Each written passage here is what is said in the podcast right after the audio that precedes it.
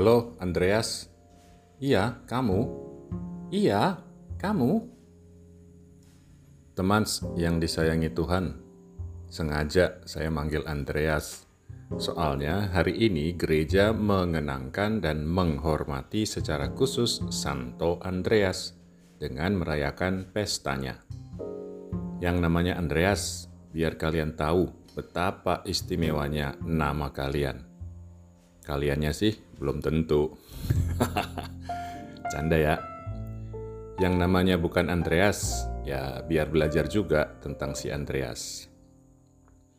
Teman-teman sahabat Yesus, Injil hari ini mencatat kalau Yesus manggil murid-muridnya yang pertama, salah satunya si Andreas ini.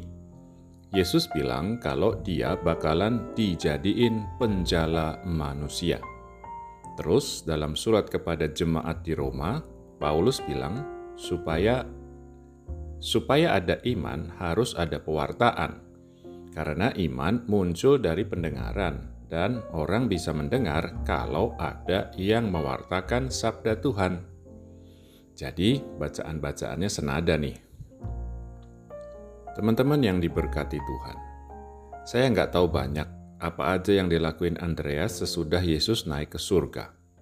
Tapi dari kesaksian Injil Yohanes, kita bisa tahu salah satu keistimewaan Andreas ini. Andreas ini yang disebut sebagai murid Yesus yang pertama. Andreas yang membawa Petrus kepada Yesus. Terus ingat peristiwa pergandaan roti untuk makan 5000 orang? Kan ada anak kecil yang punya lima roti jelai dan dua ikan tuh. Nah, Andreas tuh yang ngasih tahu tentang anak itu beserta roti dan ikannya kepada Yesus. Gimana?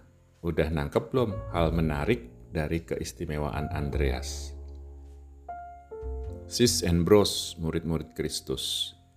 Andreas itu rasul yang tugasnya menjadi penjala manusia, mewartakan sabda kerajaan Allah mewartakan Yesus sendiri kepada dunia.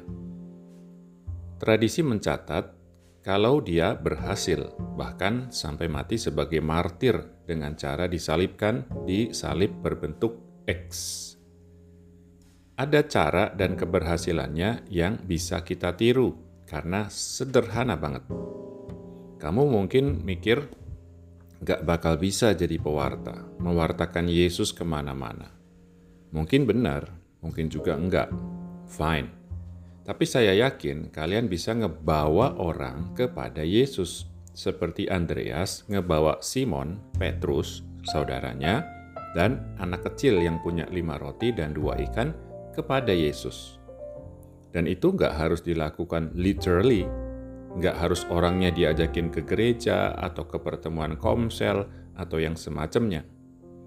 Itu juga bisa dan bagus, tapi paling sedikit kalian bisa bawa orang lain kepada Yesus dalam doa-doa kalian. Bisa juga bawa hal-hal sederhana ke hadapan Yesus, supaya Yesus memberkati dan menggandakannya dan menjadikannya berkat buat siapa pun yang membutuhkan.